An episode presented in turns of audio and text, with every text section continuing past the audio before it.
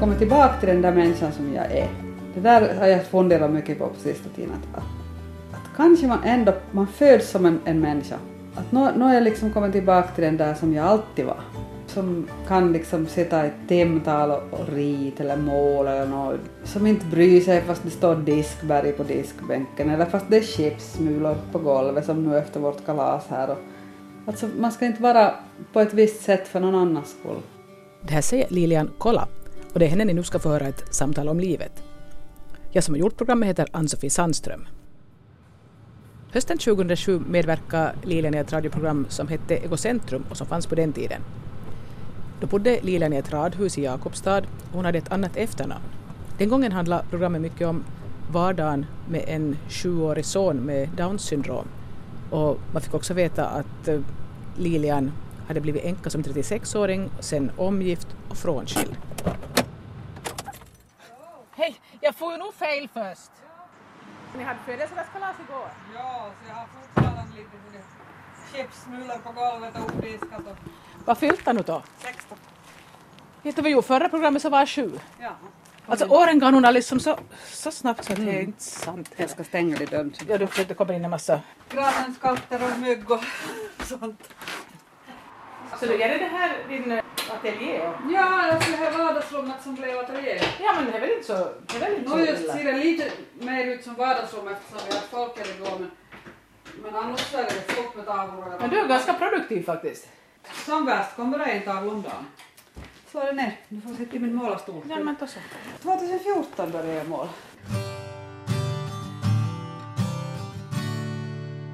Men vi då, nu, Ja. nu kan du säga, säg vem du är, vad du heter. Mm. Okej, jag heter Lilian Kola, Lilli kallas jag.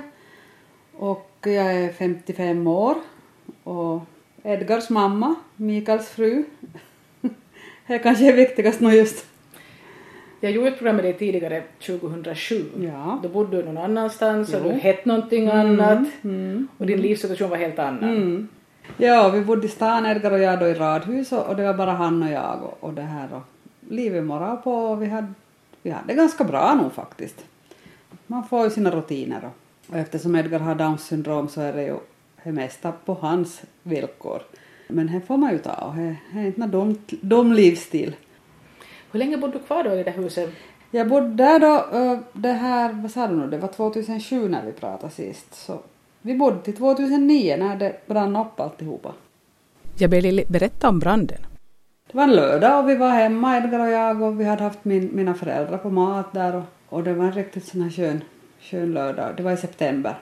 Och mamma och pappa for hem, de bodde ganska nära oss där i ett radhus där bredvid. Och, och Edgar, Edgar och jag blev kvar hemma och jag sa att men, nu går vi och tar en topplur. Att vi var så här lite slö efter maten. Och, nej, han skulle inte, nej jag vill inte ha någon topplur sa han. Jag vill gå ut, jag vill gå till mormor som offas. Fast de just hade varit hos oss. Så att okej, vi får iväg. Och eh, vi hann bara vara en liten stund hos mormor och moffa. Och så skulle vi ta dem med ut på promenad så vi gick ut så började jag se att det, det steg upp rök från där var vi bodde då. Och, och jag ringde brandkåren och för det kom mer och mer rök så jag förstod att nu är det inte någon som grillar eller något utan nu är det någon som något riktigt. Så jag ringde brandkåren och de sa att ja vi har just fått, fått meddelande. Så, så då sprang jag, sa jag åt, åt mamma bara att ta hand om Edgar och så sprang jag iväg och men det var ju det var som för sent, man, man kunde inte gå in. Det blåste hårt den där dagen och, och de här husen hade inte någon sån här brandväggar eller sånt här. Så när det började i en ända så blåste det rakt genom hela huset. Det blev aldrig klart vad som hade hänt. Om det var elfel eller om det var... Det började på grannens terrass. Ingen vet varför. Det blev aldrig klart. Nu undersöktes det ju där men, men det... Men där får fyra lägenheter i alla fall så att det... Då flyttade vi bort och Så for allt liksom du hade där? allt for, allt for. alltså ja, alla saker. Nå no, kärl. I köket var det mest vatten och rökskadat så jag, jag, jag tog några sån här koppar och sånt och, och så tog jag några smycken. Men, ja, och min kamera som var inne i ett skåp fick jag rädda och något lite, lite negativ som var i ett skåp i Edgars rum. Men att de var nog också som skadade så att inte, inte gick det till att använda allihop. Men dit lämnade 60 fotoalbum och alla negativa. Ja, du hade ju varit fotograf en längre ja, tid så ja, jag menar... så allt vad vi hade. Men vad känner man när sånt händer? Hur kändes det? Nå, eftersom jag är jag så, så känns det ju som att jaha, okej, vad gör vi nu då? Så börjar jag göra någonting. Jag, jag blir ju sån ja. Så Men vart tog ni vägen och vad, vad, vad gjorde ni? Första natten, eller första, ja, första natten, två nätter sov jag hos min syster och Edgar for till sin pappa. Och på måndag morgon gick min syster och jag till försäkringsbolaget och, och sa att, att nu är det så här att, att det här bron... Jo, jag vet, sa han där på försäkringsbolaget. Jag har varit dit och tittat. Skriv ditt namn här så har du pengar på banken på eftermiddagen. Det var ju då lösöres och själva radhuset hade ju husbolaget försäkrat så det, det var ju som. Och sen när vi hade gjort det så gick vi till, till en fastighetsförmedlare och sa att vi behöver en lägenhet och vi behöver den nu. Och den ska vara så och så stor och när klockan var halv fem på eftermiddagen då, samma måndag, så då hade vi skaffat den där lägenheten, tagit den osedd och varit till möbelbutiken och köpt alla möbler och halv fem då Edgar kom från sin pappa och från, från dagvården så då, då hade vi nytt hem. Det var det bland på lördag, det här var på måndag eftermiddag. Så det var, så- ryck liksom. Och jag var, var effektiva den där eftermiddagen. Sen klart, det kom ju, verkligheten kom ju sen. Nu, nu märkte man ju sen att, att oj, vad är det som riktigt som har hänt? Men att Hur mycket funderade du på det här vad som skulle kunna hända ifall ni skulle faktiskt ha blivit att ta i den här tuppluren? då skulle vi inte ha vaknat nog inte, nej. Då tror jag inte, för det gick så snabbt det där. Så det klart, nu tänkte man ju på det. Men jag, jag är ju inte sån jag som lämnar och tänker på sånt what if. Utan jag, jag går Det är vidare. så nu, nu brann ja, det här. Ja, så det är nog. Det är nog det här som min mamma brukar säga att du lever precis som muffa sa, man ska inte gråta över spilld mjölk. Det sa min muffa alltjämt. Så det är ju som, vilka saker av det som försvann där harmar mest? nå just kanske fotona nu. An, annars vet jag inte för jag, det är ju saker. Det är ju, det är så.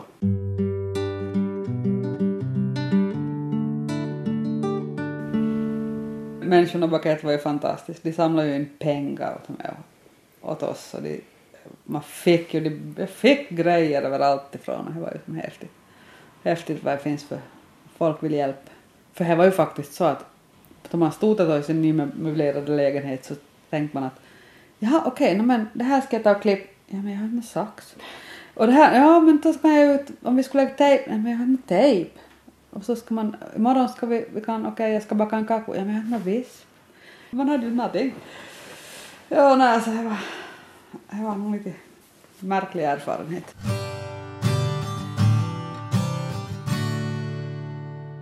Ni bodde där i den här lägenheten då sen? Mm, vi bodde där ett år. Det, det var ju så pass illa med det här radhuset att de, de rev det och byggde upp nytt. Och fick ni flytta tillbaka till, Så till det fick vi här? flytta tillbaka men då hade jag träffat Mikael, alltså min nuvarande man, hade jag träffat då på sommaren.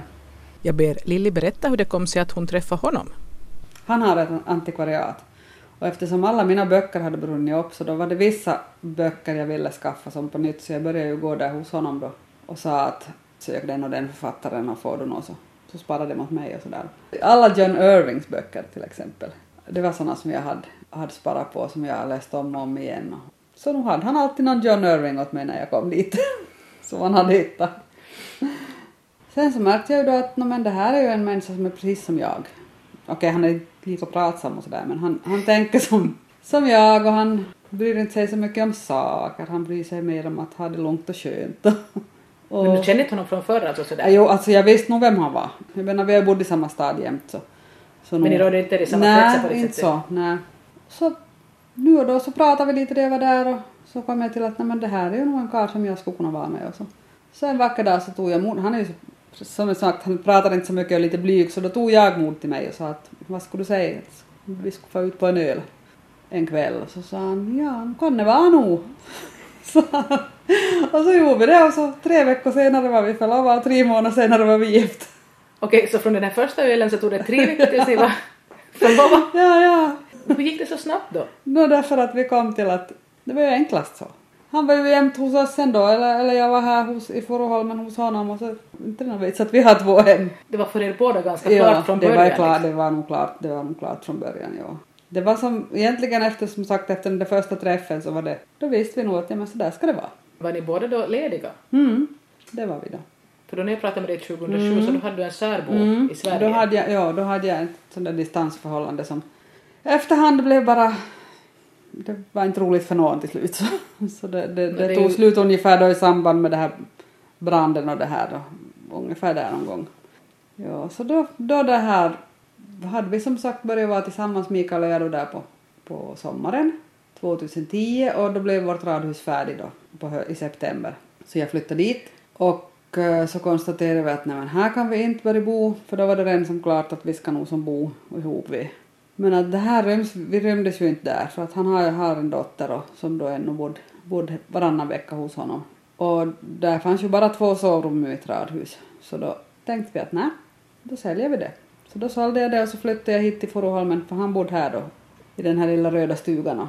Så vi renoverade upp ett rum på vinden och så vi, så vi fick tre sovrum och så flyttade vi hit då före, ja i samband med att vi gifte oss då i december 2010.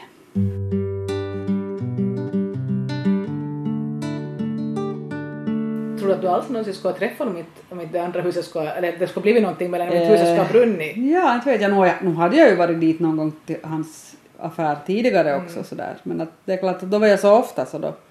Jag hade nog lagt märke till honom ska vi säga, redan tidigare. Och jag har nog alltid tyckt att han har verkat vara en mysig ty- typ sådär men att inte har vi som någon gång pratat med varandra, det hade vi inte. Så att så kan det gå. och Edgar han var jättenöjd och Moa hon var jätte, alltså hans dotter hon var också Hur gammal är hon? hon är nu 20 men hon var 14 då när, jag, när vi... Och det funkar som jättebra från början. Det är klart att nu var vi ju lite... Edgar var ju lite så här... Han var 10 år då när vi flyttade hit och det var ju jättebesvärligt för honom det här med att det kommer huset fullt med tonåringar och, det är inte hans kompisar. Det var som jättesvårt först men, men allt sånt där lugnade sig sen så. Så Mikael hade varit gift tidigare då också? Ja men han, han hade också då varit skild. Ja nästan, kanske inte 10 år men, men nästan 10 år. Och ni, ingen av er var rädd att börja satsa på nytt liksom? Nej, nej, nej. Inte kan man vara rädd för det, då får, blir det till något då. Då måste man ju vara ensam alltid om man, om man är rädd för sånt. Men du hade ju varit gift Jag, hade, jag är ju inne på mitt tredje, tredje äktenskap. Eh, Min första man dog så jag blev änka när jag var 36.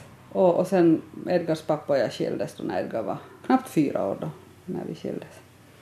Känns det annorlunda tredje gången att vara Mm. gift? Lugnare framförallt. Ja, man är ju äldre också, så det är ju som allting är ju lugnare.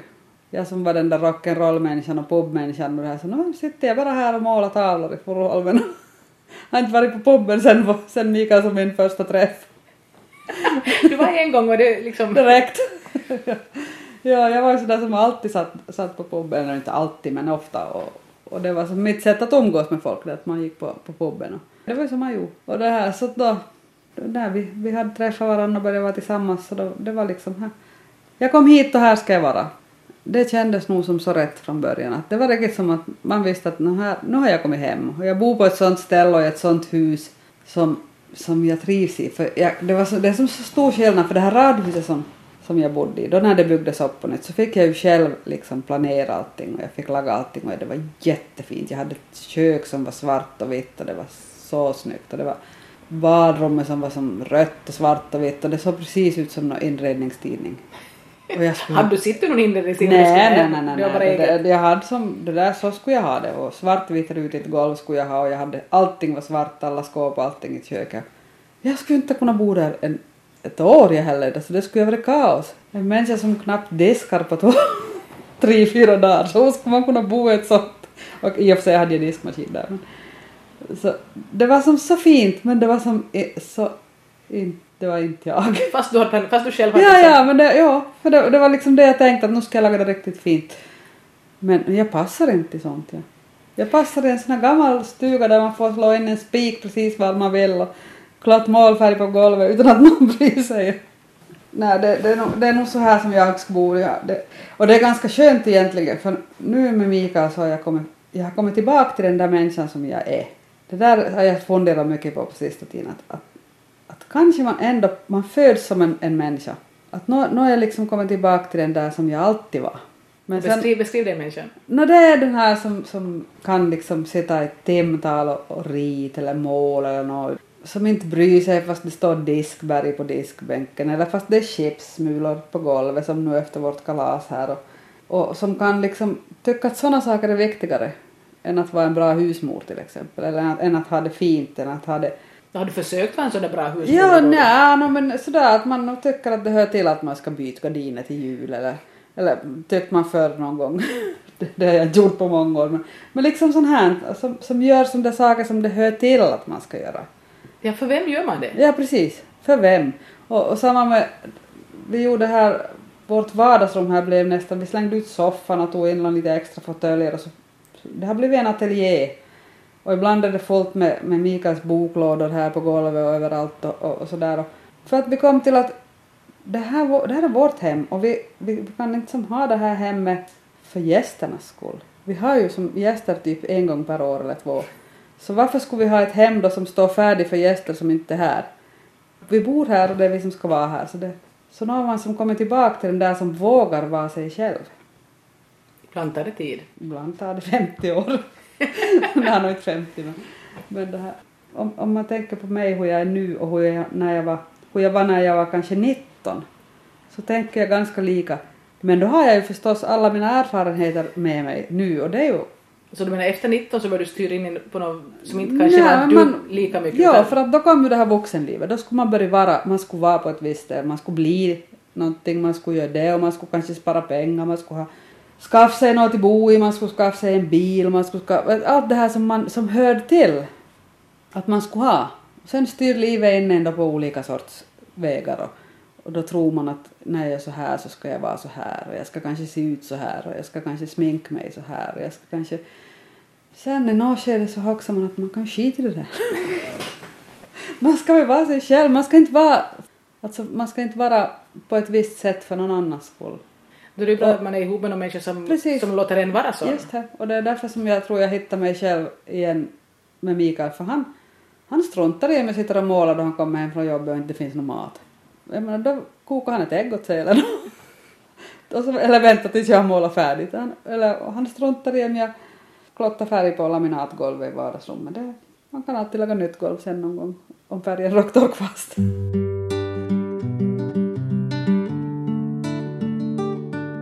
Du sa att det här var ditt tredje äktenskap. Mm, det är nog tredje gången gilt. Hur ung var du när du gifte dig första gången? Alltså, jag och min första man var 16 år ihop och vi, vi var ju som, jag var 19 när vi började vara, vara, vara tillsammans men, men det här, vi var ju ihop nog flera år, kanske 28 år innan vi gifte oss. Men att 16 år var vi, var vi tillsammans. Och det andra äktenskapet var kortare. Det var kortare, det var, vi träffades då, ja kanske ett år innan Edgar blev född då, eller gifte oss ett år innan och så. När Edgar var, ja han hade väl inte fyllt fyra, nej han hade inte fyllt fyra när vi skildes. Ibland har man för bråttom, till och med jag, till, jag kan till och med erkänna att ibland har, man för, har jag för bråttom. Ibland skulle man måste tänka lite, men det, men Edgar finns ju. Och Edgars pappa och jag är goda vänner, det, det är inte nå, vi har inte något problem så att det, det var kanske det vi borde ha var, varit hela tiden. Goda vänner. Ibland så hoppar man först efteråt. Ja.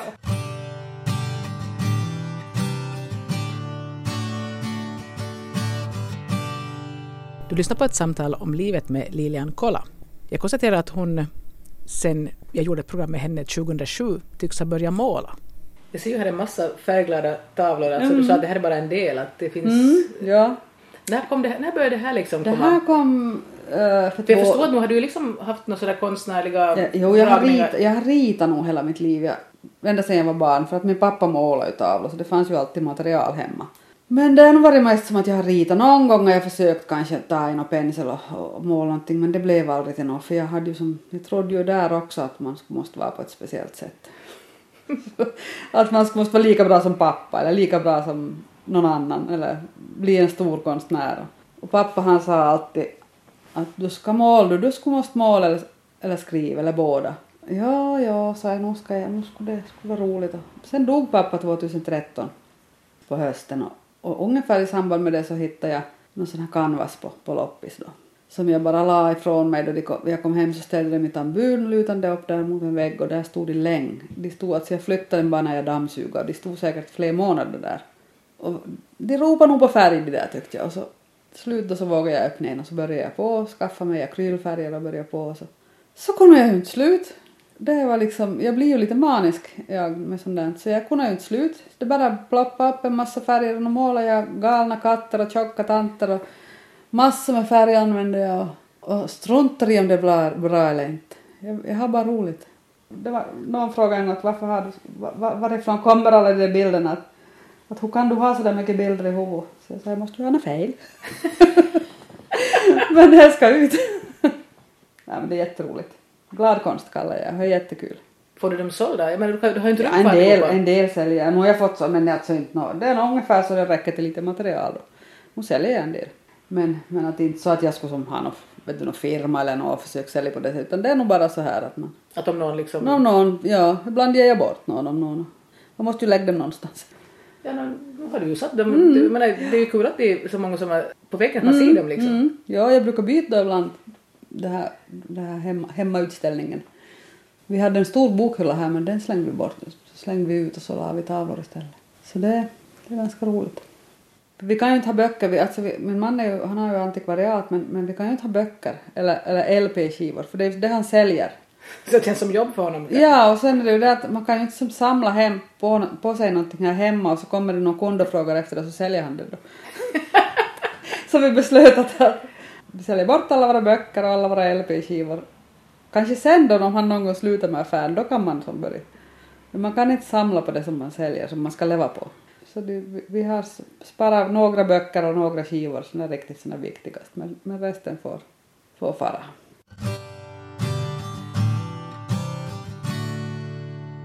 Men då, när vi talar för 2007, så då du var arbetssökande och du skulle vilja ha någon sorts jobb. Mm. Ja, det var väl så. Jag, och då, då fick jag också jobb. Jag anmälde mig som, som vika, vikarie till dagis. Så jag, var, jag har varit på dagis i flera år och just vikarierat och sen var jag, har jag varit flera år som personlig assistent åt, åt sån här specialbarn. Och nu har jag varit ett år också på, som eftis, eftistant på, på, på en skola. Och nu i höst får jag tillbaka till dagis igen. Så. Men du tycker det är okej att hålla på och hoppa in sådär och... Ja, det går nog bra. Men jag vill inte ha för många ställen. Man har ett par, tre ställen där man jobbar. Så. Och vanligtvis så finns det jobb. Det räcker att ha så att man... Det finns alltid vikariat. Och nu fick jag ju som nog ett, ett sånt här som, som räcker då hela året. Men det, det är liksom ett deltidsjobb. Men det passar bra det så får jag måla lite. Så du skulle inte vilja ha heltid riktigt heller? Eller? Nej egentligen, alltså jo jag skulle börja pengarna nog men, men jag skulle inte ha tid att jobba heltid. Men pengarna skulle man ju förstås behöva. Men, man klarar nog sig med ganska lite har vi kommit fram till här. Att det, inte behöver vi mycket pengar. Ja, det är ju- man prioriterar liksom. Ja, det finns ju folk som precis. tycker att Ja. man bara måste ha Ja. fint allt ja, möjligt. Ja, och så är vi, alltså vi reser ju inte nå, vi, för varken Mikael eller jag vill flyga, så vi reser överhuvudtaget inte. Så tycker vi är prackot dessutom. Vi vill hem till natten. så vi, vi reser inte så det inte några pengar i sånt och vi shoppar inte riktigt mycket kläder, lite någon gång förstås om, om man måste men vi går inte på krog. Det får inte så mycket pengar. Och vi bor billigt för det här huset det är litet och det tar inte mycket bränsle och, så det, det är ganska skönt. Är som skulle vara lite på landet fast ni ändå... Lite på landet, men ändå är det Larsmo eller Jakobstad det här? Det hör nog till Larsmo. Det gränsen är någonstans där förbi, förbi broarna. Det är nog nästan i stan. Det är ju bra för jag, jag menar jag har inget körkort ja. Så han, och det var det som, det sa jag åt Mikael då, då vi diskuterade var vi ska börja bo så sa jag jag flyttar nog med dig till Furuholmen men då får du köra för jag tänker inte ta något körkort. Så då, då får du vara chaufför åt mig. Och det har han varit. Så när du ska jobba för du... Så då kör han mig till jobbet. Ja, ja. Mm. Och du har inte funderat på att ta körkort? Nej, det är inte.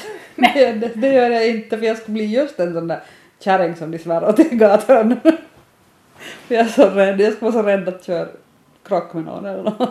Så jag skulle som kryp fram och allihop skulle svära åt mig att kan hon inte flytta på sig.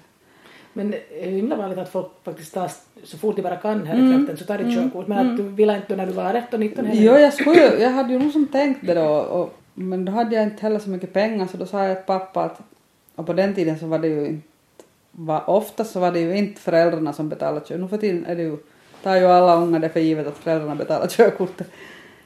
Men då så hade jag ju då tänkt, jag, jag hade ju tänkt att pappa skulle lära mig att köra bil men det hade inte pappa tänkt. Så han sa att när vi ska se nå inte, har du något att köra med heller, så att vi ska se nå. Och sen bara lämna det. Och så lämnade och så lämnade och nu, nu vill inte jag något mer. Jag konstaterar att jag är så försiktig och gammal så det skulle bli så dyrt för mig att ta körkort plus att man då måste ha en till bil och allting så jag åker taxi hela livet för de pengarna. Men inte åker jag nog så ofta hit, till, hit som till, för jag menar det kostar ändå en- lite hit till, till Furuholmen men, men som in, inom stan så nog åker jag, ja. Ja, nej men nu ska vi säkert bo i stan ännu sen någon gång också men, men nog just så länge Edgar bor hem speciellt så tycker jag det är ganska skönt att bo så här för han, han behöver få leva så att han får ha oljud. Han tycker om att trumma och sjunga och spela musik hårt och spela fiol och det låter ju inte så, så vackert men det, det är ändå, för honom låter det fint. Så det är nog egna hemshus som är bäst. så att det inte stör någon Ja, annan. ja, ifall- det är nog. Men han blir äldre han också som sagt och sen någon gång när han, han också flyttar hemifrån så nog, nog är det möjligt att vi, att vi söker oss in till Jakobstad då igen. Edgar är inte hemma den eftermiddag i början av juli när jag träffar Lilian Kola. Han är hos sin pappa, han har farit idag. Han har farit till pappa, han är varannan vecka bor han hos sin pappa i stan och varannan vecka här hos oss i, i Furuholmen. Funkar det bra det liksom att Det funkar jättebra, ja ja. Och de har ett väldigt sånt där aktivt liv då med pappa. De spelar fotboll och simmar och här är vi mer slölata och har pyjamasdagar och sånt. Bra balans. och jag såg på Facebook att han har gått ut någon skola. Mm. Han har gått ut Ljungmans skola. Han det här ska börja i, i Lanneslund till, till, i special, på speciallinjen där i, i höst. Så det blir nya, nya vägar för honom. Ganska roligt men väldigt skrämmande för mig. Varför det? Därför att han är ju inte liten numera och då vet man ju inte vart livet bär och, vad han ska börja göra och var han ska börja bo. För att hej, vi har ju det framför oss snart. Vi har till och med fyllt i papper till, till, till sån här, på sån här boendeansökan redan. Även om det kommer att ta visserligen några år innan det är dags men han ska också flytta hemifrån som andra ungdomar. Jag, jag tycker åtminstone inte att han ska bo hem med en gammal mamma eller en gammal pappa tills, tills han måste flytta i något skede sen. Nej, du vill att han ska liksom bli Han ska, självständig han ska bli självständig före och han ska också få flytta hemifrån och ha sitt eget liv och sina egna kompisar. Även om han då bor på ett, på ett serviceboende, men i alla fall. Eller på ett sånt här gruppboende. När vi träffades förra gången så minns jag att du var ganska du måste ha vaktat honom hela tiden. Mm. Att han var, saker tog hemskt länge för honom att lära sig men Mm. att det har gått nio år sedan dess så jag Det antar att han har det har gått nio år sedan och han, han har blivit mogen och han är ju nästan vuxen och klart inte, han är inte ensam hemma och han går inte ut ensam på stan men att annars så är det ju som vilken tonåring som helst. Han är i sitt rum och, eller sitter vid datorn eller sådär att han inte är så mycket lär sig saker gör han fortfarande men långsammare än andra. Han har till exempel inte lärt sig läsa och det kommer han säkert inte att göra någonsin heller och inte skriva heller men, men man kan använda bilder. Nu blir han vuxen han. Så det är nog skönt.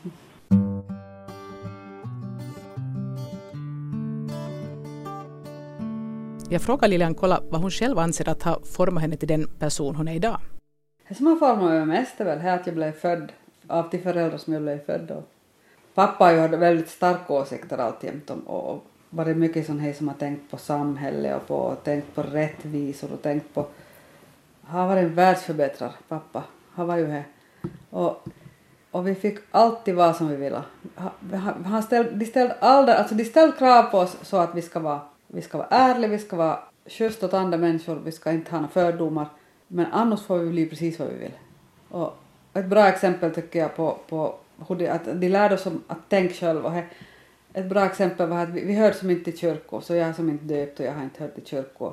Och när jag gick i högstadiet och kompisar började få på, på, i skriftskola så sa jag, men, men hur ska jag göra? Frågade jag mamma och pappa. Så sa pappa att det är nog du ska tänka. Att, liksom att vill du få i skriftskola så får du i skriftskola men då måste du skriva in dig i kyrkan och om du tror på Gud så ska du göra det. Nu får du välja, nu är du så stor. Så då tänkte jag över det och så får jag ju inte. För jag kom till att, att okej, okay, det behöver jag inte. Så, så här kanske är som, här, här som har format mig mest är nog att, de har, att jag är född av föräldrar som, som alltid har tänkt på Och låta det vara liksom Mm, ett och låta oss barnen tänka. Och, och sen förstås all, all händelse som har hänt i, mitt liv med, mm, ja, ska vi säga min första mans död och, och allting och, och Edgars födelse sen och allt som har hänt så nu, nu klart det formar. Det här som formar på det sättet tycker jag att jag har lärt mig att det finns inte så stor katastrofer som man, man dör inte och väldigt få saker man dör av, alltså om inte är sjukdom. Man ska ju leva. Jag minns att jag tänkte när då det här första man, min första man dog att, att okej, att han, vill, han inte leva, för det var ju så, han vill inte leva. Men jag vill. Och klart jag sörjer, och klart jag saknar. Ännu kan jag, klart han var en bra man. Men jag menar att jag vill leva och jag vill, det vill jag och jag vill vara glad och det, det tycker jag som är ro, eller roligast, man kan inte säga roligast, men det tycker jag är en sak som är kanske viktigast av allt som har hänt. Att jag har lärt mig att vara glad. Ju mer, ju mer sorgligheter och, och tragedier som har hänt desto gladare har jag lärt mig till vara över små saker. Att ta vara, vara, man ska vara glad så länge man kan. Man ska vara, för det, finns, det kan mitt allt hända någonting som kraschar allting. Och det, är därför som jag kallar den här tavlan min för gladkonst. För jag, jag, det är så viktigt att vara glad. tycker jag. Men alltså du levde länge, han var deprimerad den här första mannen? Jo, i tio, tio års tid så, så, så det här. Till sist så orkade jag inte mer. Så det var inte så ledsen, eh, klart det var en chock, men, men att det var inte, jag blev inte förvånad. Men det är klart det är en chock att det Nej men det måste ju vara hemskt att liksom leva nära en människa Mm. och man, man kan inte göra något. Nej, Jag man känner kan inte göra något om, om, om inte, Om inte själv om inte vill ta emot Nej, hjälp. Han vill tydligen. Nej, han ville inte. Han ville, det, var, det var nog en stolthet som, som gjorde att han inte ville hem. Men du var ändå ganska ung då du blev änka. Alltså. 36, ja. Mm. Och det tog ganska länge, jag trodde ju då att jag var jättestark och sådär, men det, det tog, tog nog sen ganska länge när man också att, att det här, kanske man inte var så stark heller, man trodde bara. For vidare bara. Som jag sa, jag ville leva. Och visst gjorde jag det, men hur jag levde var kanske inte, det var, inte var jag. Men, men man, det var kanske det jag behövde då. Det finns ju inte några regler för sorg. Det är väldigt personligt och individuellt hur man gör. Allihop sörjer ju nog säkert fast inte kanske inte syns så mycket utåt alltjämt. Det kan komma i turor. Mm. Alltså min pappa dog 2013 och för en par veckor sedan i TV så såg jag en, en farbror som hade, han hade sånt precis likadant hår som pappa hade. Som det är vit och tunn och mjuk. Och jag mitt i så kände jag i handflatan min kände jag. Hur det känns att de, de har smekt pappas hår som vi ofta gjorde på slutet att han var lov och var sjuk. Och, och jag kunde riktigt, jag var så fysisk. Och jag kände precis att oj. Så jag menar så det finns ju kvar, alltså jag tror ju inte på Gud, jag är inte religiös men nu finns det ju kvar, det finns ju kvar i allt vad vi är. Som både, faktiskt nästan som fysiskt ibland. Minne kan vara fysisk och således. Man kan komma liksom Mm, vid oväntade tillfällen. mitt i allt alltså. Och det var inte något som jag blev ledsen över således. Klart jag, jag, jag kände att de saknade men det känns som oj wow, hej pappa, ungefär. Så att det det är härligt att, att veta att det finns på det sättet. Att man, man, man, kan, ha, att man kan minnas dem så starkt så att, så att det faktiskt är nästan på riktigt det finns. Och du sa att du liksom du trodde vara stark och du kanske inte var så stark men på något sätt tycks du ha en förmåga att i alla fall, jag menar allihopa har inte gått igenom liksom att Nej, mannen har nej. död och att man har skilt sig och att Mm. man har huset har brunnit upp och liknande. nej. Folk kan ju ta saker på olika sätt och det kanske är en läggningsfråga och så kanske är att man helt enkelt med tiden lär sig att Mm. Nej, alltså för mig tror jag nog det är mest en läggningsfråga. Att jag, jag är nog från föd, positiv. Och så är det, så hör jag till ett släkt från mammas sida som har, alltså kvinnorna från mammas sida har varit grömt starka allihop. Och jag minns mormor min sa att jag hade blivit änka så var jag och hälsade på henne en tid efteråt så sa hon att det här klarar du nog, sa hon, att det, är stark kvinnorna i vårt släkt. Och hon var stark och hon, hon levde länge och klarade knoppen och och så det hade inte så lätt i liv för att hon satt i rullstol mest hela livet eller hon hade svårt att gå för hon hade ett stelopererat ben sen hon var lite på över 50 år hade stelopererat ben hennes i misstag. i misstag. Ja, jag vet inte riktigt hur det gick till men jag, först- jag har förstått att det var ett misstag så hon gick med rakt ben alltså. Till slut kunde hon ju inte gå ens. Då vart äldre. Hon levde till 97 år i alla fall. Fast hon satt mest hela livet. Det ser man. Motion, motion över det. Ja. ja, inte är så noga i det, men alltså klart inte, inte är bra att sitta, men man behöver inte överdriva, man ska aldrig överdriva någonting. Allihop kommer till dö i alla fall. Ja, Pappa liksom- höll ju på med maraton här och han sprang massor med maraton och sprang och sprang och sprang. Men han, han var ju helt slut i benen och höfter och allting på slutet och, och han levde inte till hundra. Han sa att han skulle leva till hundra, det minns jag. Han har alltid talat om att jag ska nog leva till hundra år. Ja. Men inte levde han till hundra. Vad vart det? 90. Så han levde nog länge. Så liksom matta med allt. Vissa har otur och Mm. har liksom får sjukdomar fast de har levt hur sunt som helst. Så att det är nog ganska mycket ett lotteri som man får vara tacksam bara att inte Ja, ja. man har drabbats av någonting som Ja. är... Jo, jo, nej, det är nog som... Man tänker just på min föräldrar, de var vegetarianer sen slutet på 50-talet. De var säkert bland de första vegetarianer i trakten och de, de odlade det mesta som de åt så odlade de själva allting och, och på 90-talet så gav mamma få magcancer. Som har ätit så hälsosamt, aldrig rökt, aldrig druckit någon sprit, inte talat om Nej men man kan odla maten själv och så gav hon få magcancer. Men det är så är att... Okej, hon men blev frisk. Hon blev ju frisk, Ja, men men i alla fall att inte... Mm. Man kan aldrig liksom helgardera sig då. nej, gar inte. Det är bara så. Man lever ju som, som troligen bara en gång, eller ja, jag tror att man lever bara en gång. Och, och, och man ska väl leva så, om man kan. Ja, och om man skulle råka leva fler gånger och inte, inte, inte minns att Mm, man har levat först precis, spelar det roll då? Det är ju här det skulle ju vara något kul om man skulle kunna ta med sig det här man har lärt sig och... Det är lika bra att de använder det man har lärt sig under det här livet. Ja, för, har- säkerhet, för säkerhets för skull. säkerhets skull. Det är nog så. Men du verkar ju som du skulle ha nu då liksom, Jag håller på att använda det hela. ja, och att du har liksom kommit till, tillbaka till dig själv som du Jag säger. har att- kommit tillbaka till mig själv och jag, jag tror nog att, att någonstans så har man nog det, men livet kan förstöra längs vägen. Ja, man kan ju envisas och försöka fara åt något håll som inte kanske Mm, är rätt, precis. men man tänker det ska gå. Det ska gå, ja. Eller så tänker man inte bara. Nej, utan det bara man, blir, man, man följer med strömmen och det, det tror jag är som kanske jag har gjort i alla fall att i vissa perioder av livet att, att jag har inte riktigt varit i mainstream någon gång men, men nu har jag liksom vissa gånger så har jag tänkt att så det måste man vara och så det måste man göra. Men nu har jag liksom äntligen hittat en människa som tänker som jag att man måste inte. Eller jag har också kanske till jag träffar har att, att man faktiskt får vara så här. Att man, liksom, man behöver inte... Klart man ska tänka på andra, man, inte får man ju vara som en som, det, som bara tänker på sig själv. Men, men man ska tänka på att man ska må bra. Ja, man börjar liksom ställa livet sett Mm. enligt vad Ader, eller vad man tror att Mm, Ader förväntar sig precis. av en. Vad är för vits med det? Om Nej, inte man själv liksom Nej, nej, är inte någon vits med det. För då kan man aldrig vara äkta, då kan man aldrig vara... Det är ju aldrig äkta då. Jag, jag, jag föraktar inte på något sätt folk som vill ha allt det. Nej men finns- om det, om, om, Ja. det är det de vill faktiskt, Ja, så precis. då är det ju, Precis. Då är det ju okej. Då är det okej. Så he, jag menar man ska vara man, det är här som jag tycker att man ska vara som man, som man vill vara. Man ska inte vara som någon annan vill att man ska vara. Men är ju många som Ader inte egentligen bryr sig riktigt mycket. Och nu finns det folk som rör och för och pratar och liksom håller på länge sig. Ja och, Mm. Och ja så vad då? Jag brukar göra så att jag förekommer nu. Jag berättar så mycket så det något att skvallra om. jag har inga hemligheter alltså. Det är ju ett bra sätt att ta Och bort. varför ska man behöva ha hemligheter? Det finns många som tycker att man måste. Mm. Men Och som är glömt så det att, Ja, privat. ja att det är, jaha men det är så då. Ja. Klart inte behöver man som berätta precis allt som händer men, men jag menar jag har som inte Klart man väljer inte, lägger man ju ut nakenbilder på no, sina eller någonting. Det gör man ju inte men, men så det, man behöver inte vara så himla hemlig. Nej men här, folk får väl vara som de är men, men huvudsaken är att man låter allihop är som, bara som de är. Men man får nog en känsla att du faktiskt har hittat hem. Att Du har hittat hem Ja, dig själv, att du ja. hittar, du gör någonting du tycker är Ja. roligt och Ja, nej, jag är riktigt, jag är nog så hem så jag vill knappt få stan heller.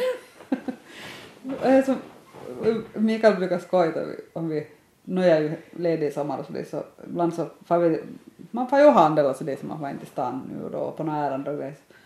Och varenda gång vi kör över broar så säger jag Oj, nu ska det bli skönt att komma hem. ja, då har jag varit borta en timme faktiskt. Men så skönt är det att komma hem. är ju bra att ni båda två har samma inställning, att inte en vill rant omkring hela Han är nog världen. rastlösare. Han, han Han skulle aldrig, jag skulle kunna vara hemma faktiskt. Alltså jag skulle kunna vara så att jag inte skulle ha något jobb eller något, men han, han är inte riktigt så. Han, han, han måste nog ha något att göra. Men han trivs med det här, gör Han han. trivs med det han gör ja. Så, det här. så jag är nog säker på att han kommer nog aldrig att kunna, även om man skulle pensionera sig och sluta med det affären som man har, så tror jag nog att man skulle han inte måste få och gräva och söka och vet du, loppisar och grejer. Så lite som det att han måste ha någonting att göra. Det är nog en livsstil. Det är nog det. Inte skulle ha, nu har jag ju jobbat med annat i sina dagar som Tove var yngre men att har ju haft det här antikvariatet i snart 20 år nu så.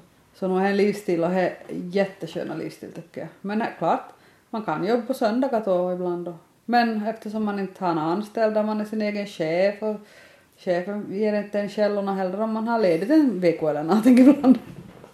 Så det är ganska skönt. Och nu tycker jag det är jätteskönt. Nu jobbar jag som, jag ska också jobba bara som 20 timmar i veckan nästa, nästa år så det är ganska skönt. Kan vi ha riktigt.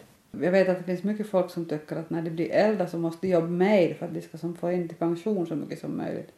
Jag tycker ju att man ska jobba mindre när man blir äldre. Så hinner man njuta av livet lite mer.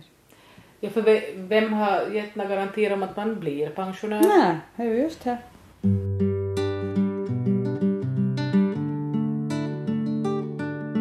Det sa jag aldrig men det var ju på en, ett sätt som med det här branden så är det ju, det är ju på ett sätt, det rensar ju. Det är som att det börjar från nytt. Så det är inte bara negativt, vet du. Om man har haft mycket i bagaget så är det inte bara negativt. Allt försvinner. Man måste liksom tänka, du har inte ens en all gamla dagböcker, fotona förstås saknar man en del men allting försvinner. Det är ett ypperligt tillfälle att börja på ett nytt liv. Men det är inte att du skulle rekommendera. Nej, nej, nej, alltså inte rekommenderar jag som så det att nej, men, men, men om det nu ändå händer så kan man ju passa på om man säger så. Jo, nej, jag rekommenderar inte. Det här var ett samtal om livet med Lilian Kolla. Och jag som gjorde programmet heter Ann-Sofie Sandström.